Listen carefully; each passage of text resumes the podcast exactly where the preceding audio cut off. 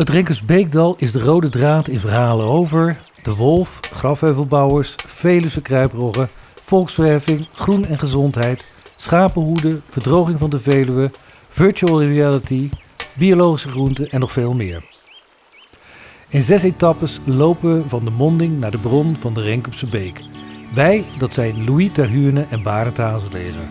Mannen met een goed oor voor mooie en authentieke verhalen.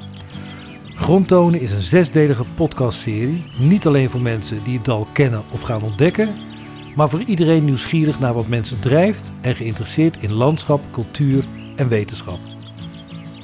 We gaan hele mooie dingen zien en horen in deze podcast.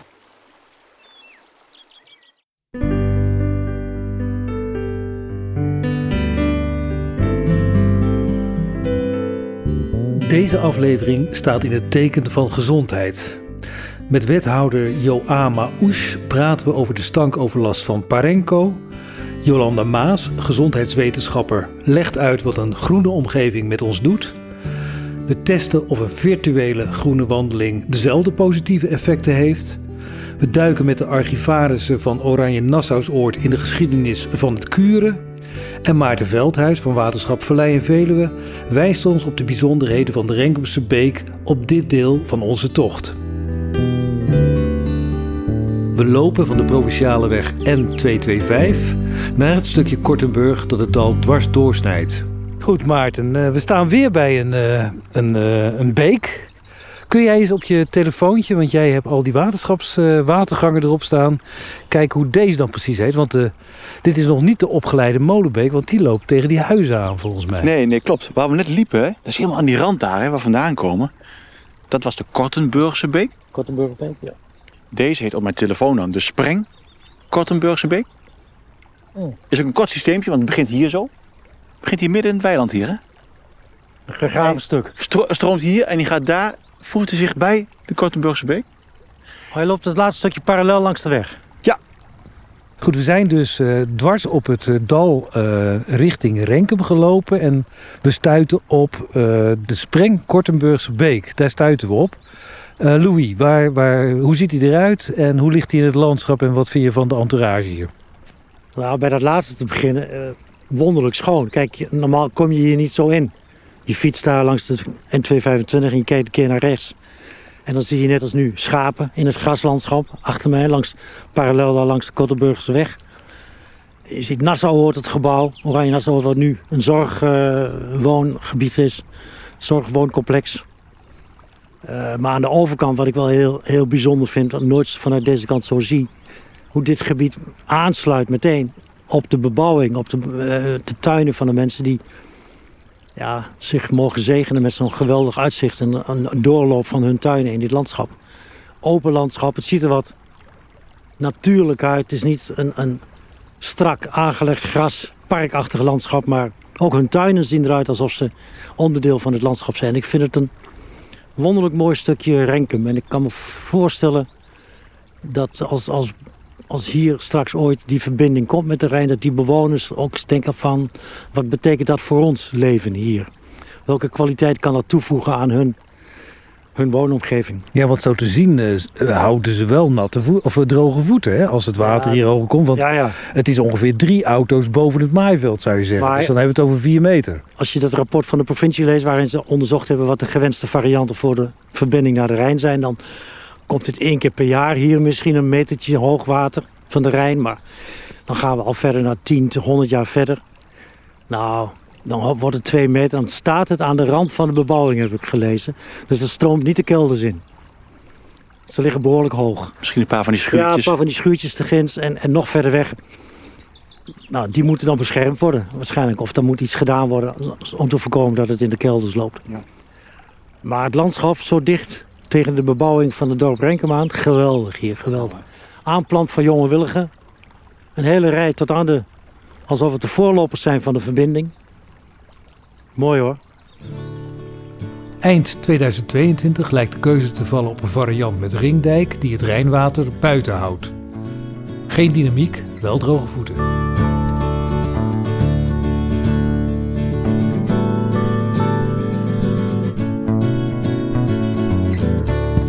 In de vorige aflevering van deze podcast gaven Volkert en Bea van Dijken aan dat ze bang zijn om vergiftigd te worden door Parenko. Het is hun niet duidelijk wat de fabriek precies uitstoot en hoe gevaarlijk dat mogelijk is.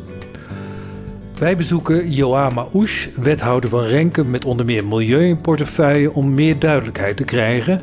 In eerste instantie over het GGD-onderzoek van 2021. Hoe moeten we de conclusie daaruit lezen? De GGD hanteert dat als je een aantal klachten hebt. En die klachten zijn, die, die variëren van er is bijna niks aan de hand, maar ik ruik wel eens wat, tot aan hele ernstige klachten. Dan hebben zij um, zeg maar een soort drempel bij 10%. Als je onder die 10% zit, dan kan het ingewikkeld, lastig, overlastgevend zijn, maar is het niet direct gezondheidskundig onwenselijk. Ik probeer hier een beetje te duiden wat de GGD vindt. Hè? En uh, in dit onderzoek uh, wat we hebben laten doen, kwam naar voren dat er veel meer mensen dan 10% van de totale uh, groep mensen die gevraagd is om input te leveren, heftige overlast uh, ondervond. En daarmee zegt de GGD dat is gezondheidskundig onwenselijk. En dat is op zich al reden genoeg om daar voor die fabriek wat aan te gaan doen. Maar concreet, wat wordt er nu precies uitgestoten en hoe gevaarlijk is dat? Als je naar de onderzoeken kijkt, dan zitten dus allerlei stofjes in. Maar die samen opgeteld zijn ze niet veel groter dan de achtergrondwaarden, zeg maar. Die je dus ook elders gewoon in het land zou kunnen vinden. Dus de GGD geeft aan, ja, wij kunnen niet echt op iets wijzen wat, zou, wat ziektes of zo zouden kunnen veroorzaken. Um, uh, maar stress. Ik denk dat als we allemaal hebben wel eens stress ervaren. Ik heb ook wel eens stress ervaren. Ik ben gelukkig nog nooit uitgevallen door stress. Maar stress is op zich al een hele ongezonde factor. En overlast ervaren, um, uh, niet uh, de vrijheid ervaren om buiten je huis door te luchten omdat de stank uh, van die fabriek afkomt. Uh, S'nachts misschien wakker worden, last van je keel krijgen, prikkelende ogen, hoofdpijn. Dat is allemaal gewoon niet gezond. Stress, niet kunnen slapen, prikkelende ogen, zere keel, hoofdpijn. Je noemt het zelf allemaal op. Wat ga je daar als gemeente aan doen? Mijn inzet is dat er een, een situatie moet ontstaan van acceptabele overlast. Dat betekent dat het, dat het ja, geldig scheurbeleid, dat is wat mij betreft onderliggend. He, dus de waarden die uh, Parenco nu mag uitstoten, zijn wat mij betreft vele veel te hoog. Dus mijn inzet is consequent bij de provincie, bij Smurfit Kappa Parenco, om aan te geven, wij willen hier een leefbare dorp hebben waarin inwoners prettig kunnen wonen en werken. En die fabriek die staat er. Ik kan hem ook niet weghalen. Ik heb niet het geld om ze uit te kopen of anderszins. Dus eigenlijk moeten er nu twee dingen, of één van twee dingen gebeuren. Of die fabriek die krijgt zijn processen zo goed onder controle dat er veel en veel minder overlast is op het gebied van geur. Alle stoffen zijn goed in kaart gebracht. En er is dus hè, uh, volstrekt helder dat dit een schone, dus ik doe nu even in de lucht haakjes, mhm. schone fabriek is. Of uh, als dat niet kan en ze krijgen het niet onder controle, ja, dan moeten we het over een heel ander scenario gaan hebben. Ja, dan hebben we dus een gesprek over: is dit dan nog voor de toekomst de plek voor zo'n papierfabriek? Het is een kleine gemeente, dus de contacten zouden heel direct kunnen zijn. En toch zakt dat vertrouwen in. De gemeente is onze bondgenoot, want die is ook verantwoordelijk voor een veilige en gezonde woonomgeving voor mij. Dat, dat gevoel van we hebben een bondgenoot, dat dat wegzakt of er niet meer is. En dat, en, dat is jammer. Horen, ja, ja, in de gesprekjes die wij hadden met, met twee, drie vertegenwoordigers van, van die Bobgroep. En, en, en, het vertrouwen aan wat er aan tafel aan oplossing gevonden kan worden, is dan zo minimaal, of bij sommigen is het ook gewoon weg. Uh, en, en dat maakt het dus heel kwetsbaar tot, tot welke aanvaardbare oplossing je kunt gaan komen. Ja, dat is, dat is natuurlijk ook zo. Kijk, ik vind het, ik vind het jammer om te horen. Hè. Ik zit namelijk e-, elke maand met ze om tafel. Dat zijn op zich goede gesprekken. En daarin zeg ik ook heel eerlijk dat ik niet alles voor ze kan oplossen. Ik heb mijn beperking als, als instituut, als gemeente zijnde. Ik ben wethouder en um, uh, ik doe um, mijn best om uh, beweging bij de fabriek en bij de provincie ja. voor elkaar te krijgen. Ten goede, hè? laten we het zo zeggen. Um, maar het ingewikkelde is, ik zit niet aan de knoppen. Ik ben geen bevoegd gezag. Nou, dat woord heb ik destijds ook genoemd. Heb ik achteraf spijt van. Want het is natuurlijk je, je verschuilt je Ja. achter wat feitelijk zo is, maar wat voor veel mensen voelt als: ja, je wil me niet helpen. Hij kan niks voor ons doen. Zo- Nee, los van hij kan niks voor, hij wil me niet helpen.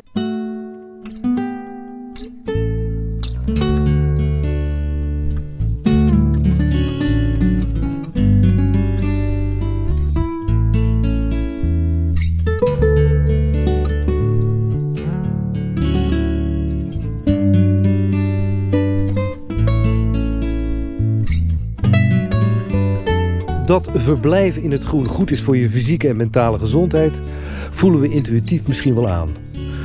Maar hoe hard is het verband tussen groen en gezondheid? Wat doet groen precies met onze hersenen en lichaamsfuncties? En hoe meet je dat? Dat is de expertise van Jolande Maas. Zij is gedragswetenschapper en werkt als senior onderzoeker aan de sectie klinische psychologie van de Vrije Universiteit Amsterdam. Welkom Jolanda in het eh, Beekdal. Ehm, nou ja, je ziet, het is groen. Zeker, En eh, voor ons geldt in ieder geval dat we ons hier kip lekker voelen. Dus ehm, dat kan ik ehm, beamen, ja. nou goed, we gaan het vandaag hebben over groen en gezondheid. Zou je eerst een paar bewezen positieve effecten willen noemen?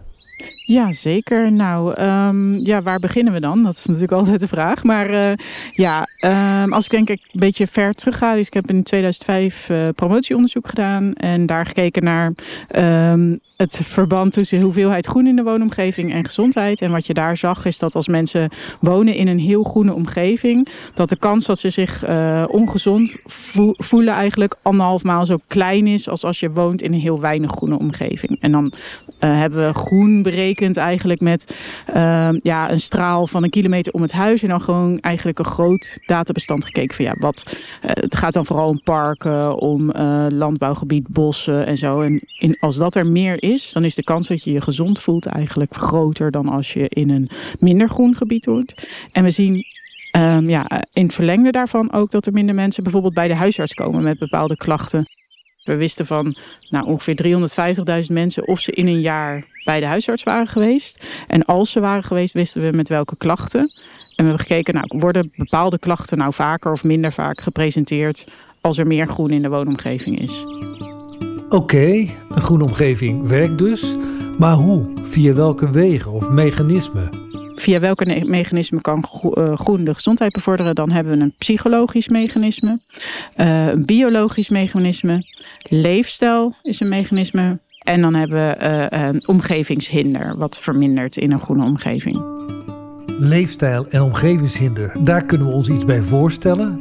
Maar hoe werkt een groene omgeving door op bijvoorbeeld onze psyche?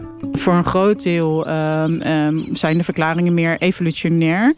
Of ja, op basis van evolutie eigenlijk. Dus wat ze zeggen is dat mensen eigenlijk al, eh, als je miljoenen jaren teruggaat, hebben moeten overleven in een natuurlijke omgeving. En die omgevingen die toen goed waren om in te overleven, ehm, die, daar reageren we nu nog steeds positief op. Dus dat zit ongeveer in ons systeem en daarom reageren we daar positief op. Dus je ziet ook dat als natuur bepaalde kenmerken hebben, he- heeft, dus bijvoorbeeld ja, dat het niet te dicht bebost is, dus dat je wel kan zien als er iemand anders aankomt, bijvoorbeeld. Eh, dus wat meer open landschappen, maar ook bijvoorbeeld aanwezigheid van water. Ehm, dat dat soort landschappen uiteindelijk net nog wat beter werken voor je gezondheid dan andere soorten want we staan hier dus nu aan de rand van Oranje Nassau. We kijken uit over het Beekdal Ja. richting het dorp Renkum. Ja. Maar dit soort open gebieden, Ja. wat we tegenwoordig dan vaak zichtlijnen noemen, dat soort dingen. Ja, dat is een beetje meer dat, de dat refereert aan die savanne-achtige... oude, wat je zegt, die miljoenen jaren toen onze voorouders Ja. in de natuur met kon elkaar ook zien. Gaf ook veiligheidsgevoel. Ja, dat is het. Dat, dan zie je inderdaad als er iemand anders of, ja, of Ja. een beest of iets aankomt. En dat maakt dat we, ja, dat we daar op dat soort omgevingen nog steeds eh, positief reageren. Maar ik wil nog een stapje Ja. verder. Ik heb Ja. volgens mij ook van jou gelezen dat er een, een theorie is. Ehm, eh, peaceful mind, peaceful soul. Het verhaal is ook best wel complex hoor. Het is, Oh. dus, want, want ik heb nu één theorie. En als je eigenlijk kijkt, er zijn in totaal iets van vier theorieën die daaronder. En inderdaad, eh, dit ging meer over hoe, zorgt, hoe komt het nou dat je meer eh, ja, die, die stressreductie hebt. En ehm, u heeft het eigenlijk meer over ehm, een andere theorie. En dat is de Attention Restoration Theory. En die zegt eigenlijk dat natuur bepaalde kenmerken heeft die ervoor kunnen zorgen dat je aandachtssysteem kan herstellen van uh, vermoeidheid die het heeft. Hè. Dus als je bijvoorbeeld heel lang ergens op moet concentreren, dan, gaat, dan kan je hersen dat niet meer aan en raak je heel snel afgeleid van alle dingen die je om je heen hoort. En uh, eigenlijk kan zo'n natuurlijke omgeving, omdat je daar gefascineerd bent door wat je ziet en omdat je het gevoel hebt dat je even weg bent van je dagelijkse omgeving, onder andere. Um, ja, kan je, kan je aandachtssysteem eigenlijk weer opladen. En doordat je aandachtssysteem kan opladen, en dat is het verhaal over die peaceful mind, peaceful soul, is kan je, uh, heb je ruimte ook om te reflecteren over dingen die er op dat moment op een dieper niveau liggen. Omdat je je even niet meer zorgen maakt over nou, een tentamen wat je moet doen of een opdracht die die dag af moet. Of, um, dus dat is het verhaal van ah, die peaceful mind, peaceful soul. Eerst moet je afgeleid worden van je dagelijkse zorgen. Ja, om echt. En dan ontstaat er ruimte voor reflectie en voor ja. ja. We staan hier op een mooi punt, maar ik hoor ook veel windgeruis. Laten we kijken of we iets in meer in de luwte kunnen gaan staan. Nieuw is er ook wel um, een theorie die eigenlijk ook meer zegt... ja, maar is het niet eigenlijk aangeleerd in plaats van aangeboren? En dat is ook wel een interessante, want eigenlijk als we nu kijken waar wij allemaal werken, naar school gaan of de, de dingen doen die we moeten doen, dan is dat vaak in een omgeving die helemaal niet groen is. En als we vrije tijd hebben, dan zoeken we vaak juist zo'n natuurlijke omgeving op. En daarom associëren wij eigenlijk zo'n natuurlijke omgeving met vrije tijd en dus met ontspanning. En daarom heeft die natuur dan een positieve werking op ons stressniveau. En de vierde theorie ik heb het inderdaad over aangeboren, aangeleerd, um, aandachtssysteem wat je eigenlijk kan herstellen, uh, stress verminderen, positieve emoties. En wat je ook ziet is dat in de natuur bepaalde patronen zichtbaar zijn. Dus je ziet um, bepaalde patronen die steeds terugkeren. Dus terugkerende patronen. En dat maakt het ook makkelijker voor je ogen eigenlijk om te verwerken wat je ziet. En daardoor is ook, uh, ja, kan je ook makkelijker herstellen van stress en bijkomen van die aandacht. Wat bedoel je met patronen? Welk... Ja, dus het, het zijn terug terugkerende patronen. Dus um, als je bijvoorbeeld naar een boom kijkt en je zou heel erg inzoomen op de takken. Dus een boom heeft een aantal uitstulps en dan ga je daar weer op. Dan zie je dat eigenlijk in het klein weer terug. En als je dat dan weer inzoomt op het blad, zie je daarin ook eigenlijk in het blad zelf die kleine vertakkingen weer. Dus dat maakt, dat zijn die patronen die terugkeren. Je ziet steeds hetzelfde eigenlijk, maar dan in klein. En dat is makkelijker voor je ogen eigenlijk of voor je hersenen om te begrijpen. Dus dat, ja, dat gaat over fractalen en uh, perceptual fluency uh, noemen ze dat. Tot zover de psychologische werkingsmechanismen. Het biologische werkingsmechanisme, de werking van groen op onze lichamelijke gesteldheid, loopt via stofjes die de natuur uitstoot. Dan hebben ze het over micro- en macrobiota. En die zijn ook weer goed voor je eigen immuunsysteem. En als je dus vaker in een natuurlijk gebied komt, dan adem je eigenlijk ook, of dan krijg je die micro- en macrobiota ook binnen. En dat helpt ook voor je immuunsysteem. En dat wordt ook als verklaring gegeven voor waarom dus ziektes zoals diabetes ook vaak te maken hebben met het immuunsysteem. Dat dat beter werkt. Ehm, maar er zijn ook signaalstoffen die bomen afscheiden. Ja. Weet jij welke dat zijn en hoe dat werkt? Nou, niet uh, heel um, specifiek. Hè? Dus uh, inderdaad, uh, als we het hebben over die micromacrobioten... zijn dat bacteriën en etherische stoffen die door planten afgescheiden worden. Ik durf niet te zeggen welke dat dan precies zijn. maar in Japan hebben ze ook even onderzoeken over fytonciden. En dat zijn inderdaad ook um, ja, stoffen die planten afscheiden... om zich te beschermen tegen um, ja, parasieten en, enzovoorts.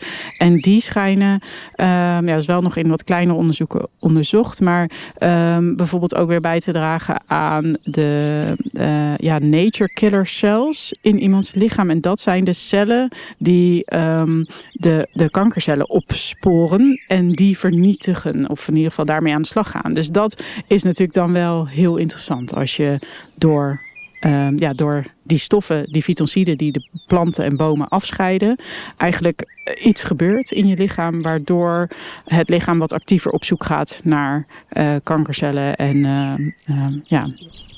Ik wou nog even om dat Japanse onderzoek uh, aansluiten. Die, die kankercellen, interessant is dat. Ja. Uit Japan komt nu ook een beetje hippe activiteit als bosbaden naar voren. Ja. Is dat daarop gebaseerd? Kun jij vertellen wat dat is en wat dat doet?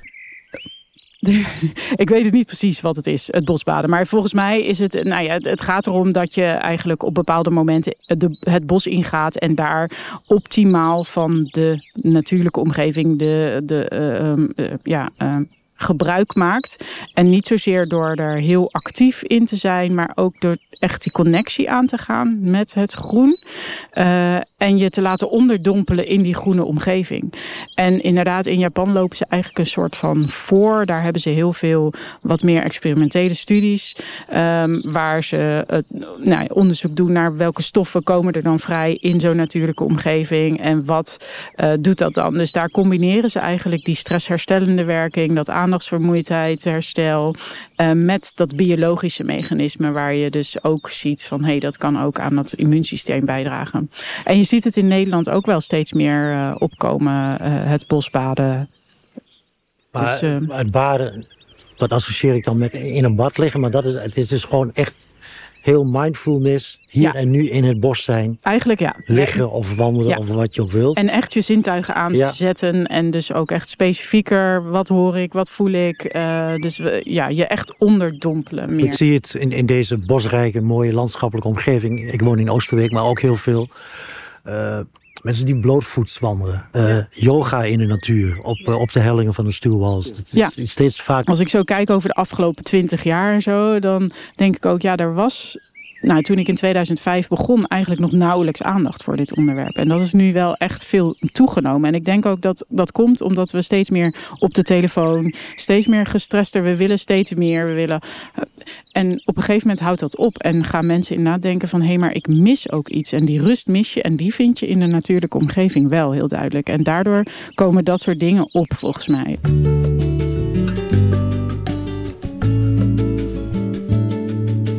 Maar wat als je nu zelf niet meer in staat bent om naar buiten te gaan en er is een virtuele wandeling voor je ontwikkeld? Knap je daar dan ook van op? We gaan het zelf testen met de studenten die zo'n VR-programma ontwikkelden. Maar eerst lopen we nog een stukje door het dal.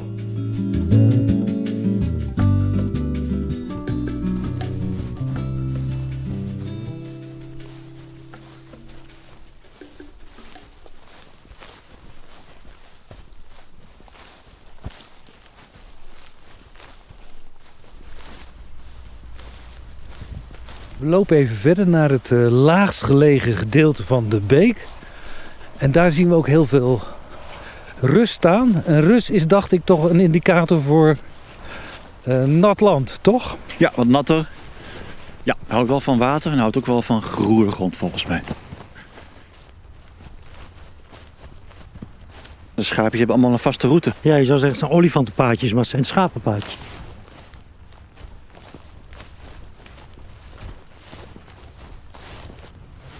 Van deze kant zie je ook perfect hoe die N225 als een, als een dijklichaam het gebied even doormidden snijdt. Hè? Ja, een metertje of drie, vier hoger hè? Wel, ja, denk ja, ik. ja, ja.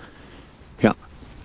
Is dit soort gras dan ook voedingsgebied voor herten? Dit is helemaal geen rus. is helemaal geen rust. Dit is gewoon gras. Dus- Het is gewoon Pluim, gra- gras met pluimen. Ja, ja, misschien wel tussen. Ja, wel tussen. Toch wel. Kijk. We waren iets te snel, uh, Barend.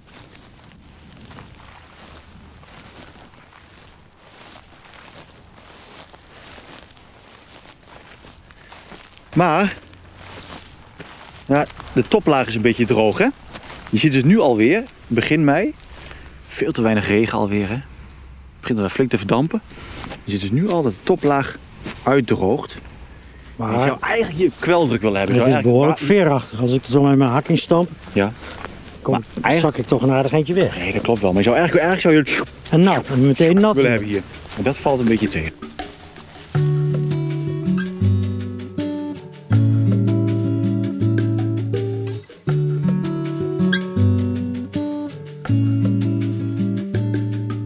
We verlaten het Renkersbeekdal en bezoeken het gezondheidserf in Oosterhout. Naast een gezondheidscentrum is dit ook een leerwerkplek voor studenten van de Hogeschool Arnhem-Nijmegen. Een aantal van hen heeft hier een VR-programma ontwikkeld met filmpjes van bekende plekken in de omgeving van Oosterhout. Die kunnen met dit programma virtueel bezocht worden. We spreken Dilara, een van die studenten. Wat is het doel van dit programma? Ja, het doel van dit programma is zeg maar dat ehm, met name ouderen, maar ook gewoon andere mensen die niet meer goed ter been zijn of om wat voor reden dan ook niet veel eh, buiten meer kunnen komen, toch eh, ja, het buitenleven kunnen ervaren door middel van zo'n eh, bril. Dat als je hem opzet, dat je dan toch in de natuur bent. En, en, en wat moet dat teweeg brengen bij die oudere mensen dan? Natuur doet gewoon eigenlijk heel goed. Dat is goed voor je ontspanning, verlaagt stress. En krijgt, in ieder geval uit eigen ervaring, je krijgt, ik krijg gewoon een rustig gevoel ervan. En gewoon frisse lucht en gewoon, Maar dan heb je Ja. het over een bui- echte buitenervaring, denk ja, ik. echt een Weet buitenervaring. jij of, of, of dat ook eh, het geval is als je dit programmaatje kijkt? Eigenlijk wel, omdat je best wel ver om je heen kan kijken. Je kan achter je kijken, beneden, boven. En je ervaart toch wel ja, alsof je buiten bent. Omdat je echt in ja, een wereld instapt, zeg maar. En voor de rest zie je niks. Maar omdat je dus alle kanten op kan kijken, zie je wel gewoon de ja, omgeving om je heen. En dat zijn ook de reacties die je terugkrijgt van die mensen die Ja. het programma bekeken hebben? Ja. En het is omdat eh, met name voor ouderen is gemaakt, is het geen druk beeld wat je ziet. Het is gewoon heel rustig gefilmd. En dat als je om je heen dus kijkt, dat het dan ook niet raar meebeweegt met je. Maar dat je gewoon ja, ook niet duizelig ervan wordt. Want je hebt filmpjes waar je best wel duizelig van kan worden, die best wel intens zijn. Maar dit is echt gewoon heel laagdrempelig. En iedereen kan hem opzetten. En eh, Nou, dat is een hele geruststelling, want Louis, ook niet meer de jongste, is aangewezen om deze ervaring te ondergaan. Maar voor het zover is, eerst het onvermijdelijke gepiel dat nu eenmaal verbonden lijkt met het gebruik van digitale media en apparatuur. Ja, ik zie alleen nog maar het woordje ontspanning en, en een cirkeltje. En, maar ik, ik zie nog geen natuurbeeld. Even kijken. Toen je aan een knopje zat, dan kwam er een microfoontje waar een streep doorheen zat. Dat was waarschijnlijk een geluidsmicrofoon. En dan staat hij nou misschien op eh, mute. wat, kan je, wat zie je wel? het woordje ontspanning Nog en steeds. daarboven VRIZ, dus het bedrijf.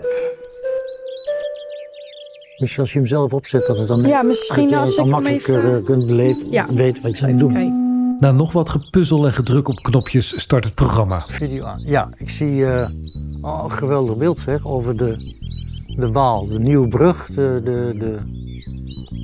Ja, het is een mooi hoor. Ik, zie, aan- ik draai naar rechts en dan zie ik de, de nieuwe autobrug. En aan de overkant de skyline van Nijmegen. En links van mij de, de, de, de fietsbinder. Of, Nou begint het verhaal. Ja. Naar de uiterwaarden bij Oosterhout en Nijmegen. En vertel ik verhalen over de historie. een spectaculair beeld hoor, wat ik zie. Geweldig. Dat zie ik normaal niet als ik zo over die... eh, In de loop van de tijd heeft de rivier Die brug fiets. veel mensenlevens vereist. Met name tijdens de Tweede Wereldoorlog. alsof je bovenop een, 48 soldaten. een toren staat. Mensen uit Oosterhout die langs Van hoog- hoog standpunt genomen. Mooi. afstand gebeuren. De hele nieuwe stadsontwikkeling van Nijmegen. Het gaat aan mij voorbij. En leiden tot veel Ja, hier word, ik, dit is wel, hier word ik wel vrolijk van als je dit zomaar gratis aangeboden krijgt.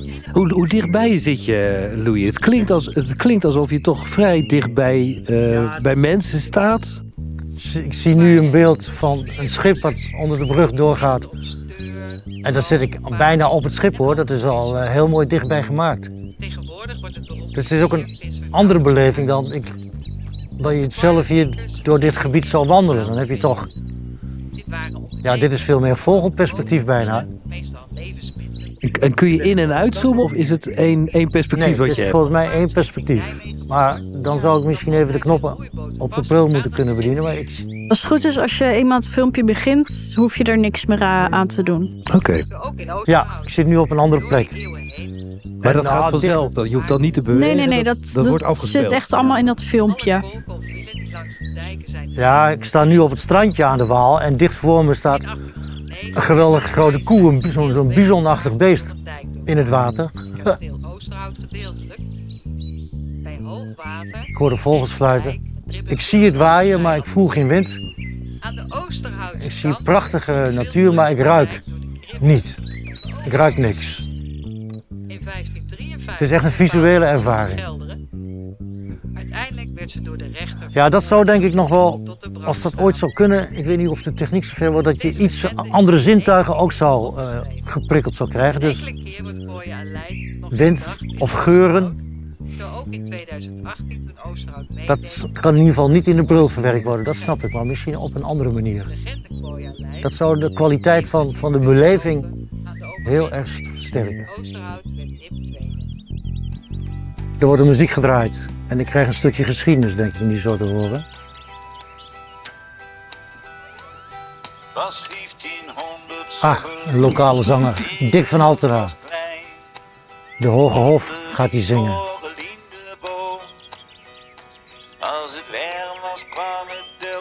Ja, in het dialect van deze regio. Het is eh, weemoedige nostalgie. Toen ik klein was in dit dorp. Leuk. Dick van Altena door de heet hij.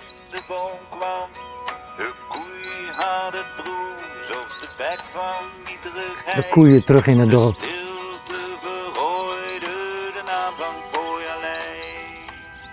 De stilte verraadde de avond. Ja, ja, ja. Mooi gezongen. De zanger heeft Louis Goed, Dick van Altena. Het album waarop dit nummer staat ook, De Hoge Hof. Het lied zelf, Kwooi Aleid, gaat over mensen uit Oosterhout uit 15 zoveel... die hun rampspoed, zoals een mislukte oogst, toeschrijven aan Aleid. De heks die moet branden. Moraal van het lied? Er is altijd wel een buitenbeentje, een Kwooi Aleid te vinden...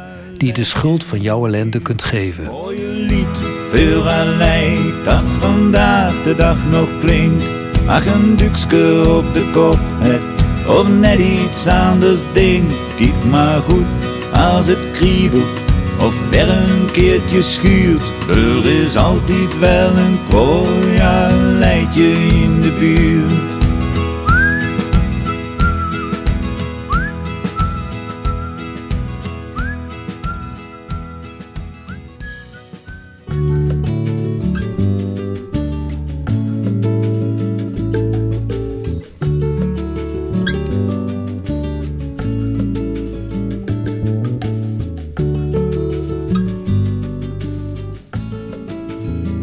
Terug naar het dal.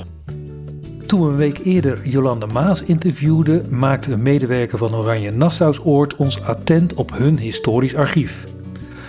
De geschiedenis van het sanatorium en het kuren sluit natuurlijk mooi aan bij het thema groen en gezondheid van deze podcast.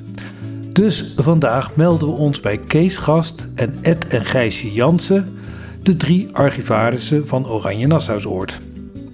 Het begon hier allemaal met koningin Emma. Ed, De aanleiding was dat haar zusje is overleden aan TB. En daar, het was volksziekte nummer 1. En voor de rest zeiden ze dan van... eh, ik wil voor alle gezinten wil ik een sanatorium oprichten. Tot 1898 trad Emma op als regentes voor de minderjarige Wilhelmina. Als dank en huldeblijk zamelde het Nederlandse volk geld in, een nationaal geschenk. Dat geld is gebruikt voor de stichting en exploitatie van Oranje Nassausoord. Gijsje vult aan. Maar het was niet alleen van het Nederlandse volk. Het was ook van de mensen in de overzeese gebiedsdelen. Die hoorden daar ook bij. En ik wil u zeggen, het bijzondere is dat zij zei, het is voor alle gezinten. Ja. Ja. Dat is echt een breed volkscadeau voor Ja. alle gezinten. En dat bleek in de geschiedenis ook zo. Iedereen kwam, katholiek, Ja. protestant, Ja. heiden. alle- Ja, maakt er niet uit. Iedereen die eh, TB had, die kwam hier, die was hier welkom. Kuren op Oranje Nassausoord was voor alle gezinten. En ook voor alle klassen, verzekeren ons de archivarissen.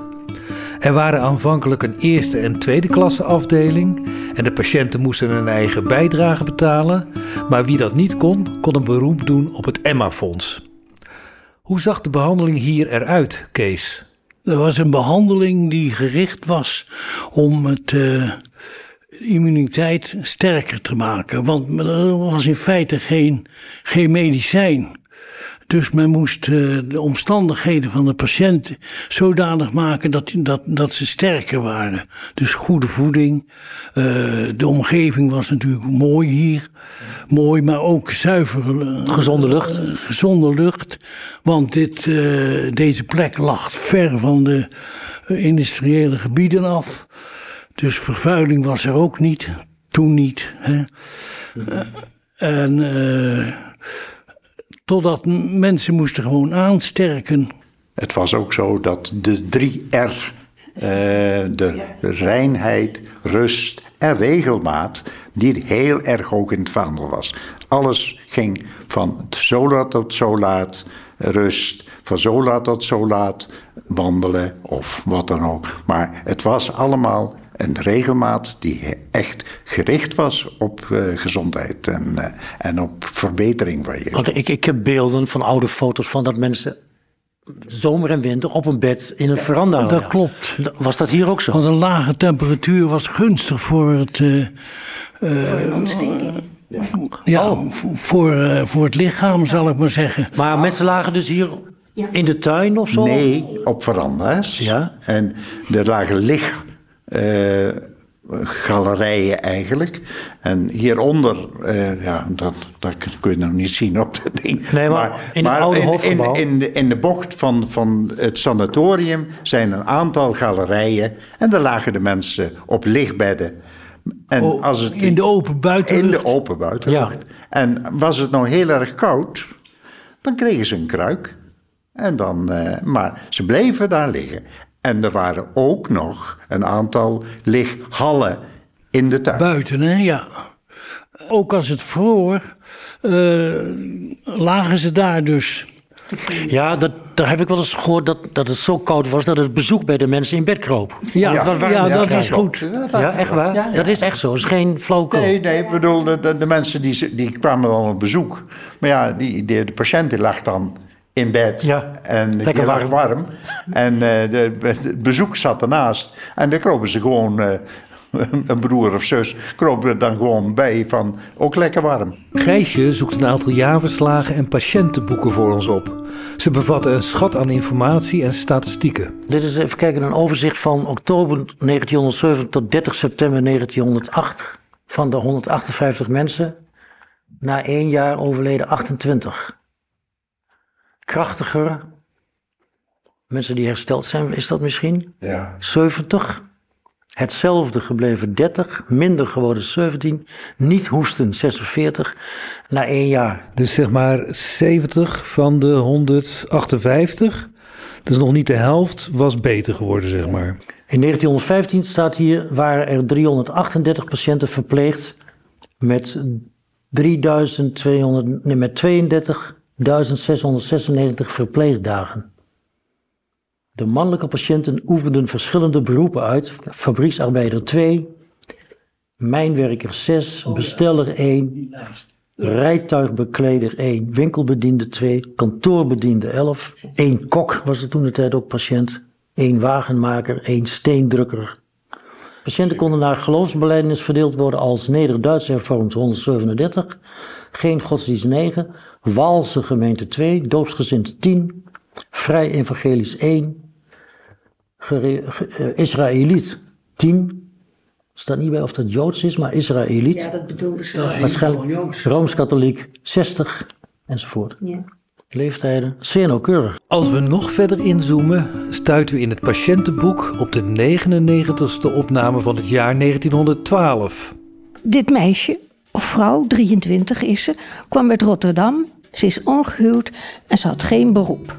Ze is op 27 juni aangekomen en ze was zeven weken ziek. Er was in haar voorgeschiedenis, familievoorgeschiedenis, geen TBC. Ehm, toen zij kwam, had ze geen koorts, 36,9. Het lichaamsgewicht was 51,7. Oh, dat deed 51.700 gram. Eh, patiënt is ongehuwd. Eh, sinds zeven weken sukkelt ze met de borst. Echt echt een klein doktershandschrift. Het is echt, echt vreselijk om te lezen. Ja. Zie je dat? Sociale omstandigheden zijn goed. Ehm, bijzondere behandeling.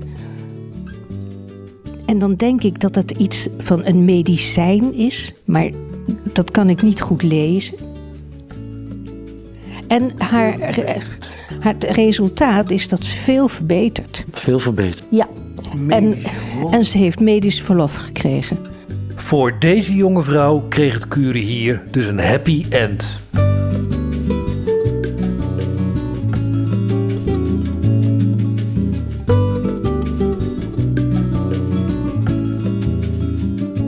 Klimmen over het hek, lopen stroomopwaarts langs de beek naar iets dat op een meetopstelling lijkt. Yes. Zo. Vitale medewerker van het waterschap. Zeer vitaal. Maakt zo'n hekje geen probleem. Misschien een uitdaging.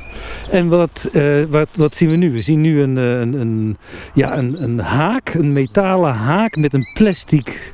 Ja, wat is het? Zal er een camera in zitten? Wat is het Ja, eigenlijk? jullie vragen je af wat dit is. Ja. Dit is een meetgoot. Hij meet hoeveel water hier nou doorheen stroomt. En dat ding dat meet de hoogte van het water. Daar gaat een berekeningsslag overheen. Daarmee weten wij hoeveel afvoer deze beek heeft.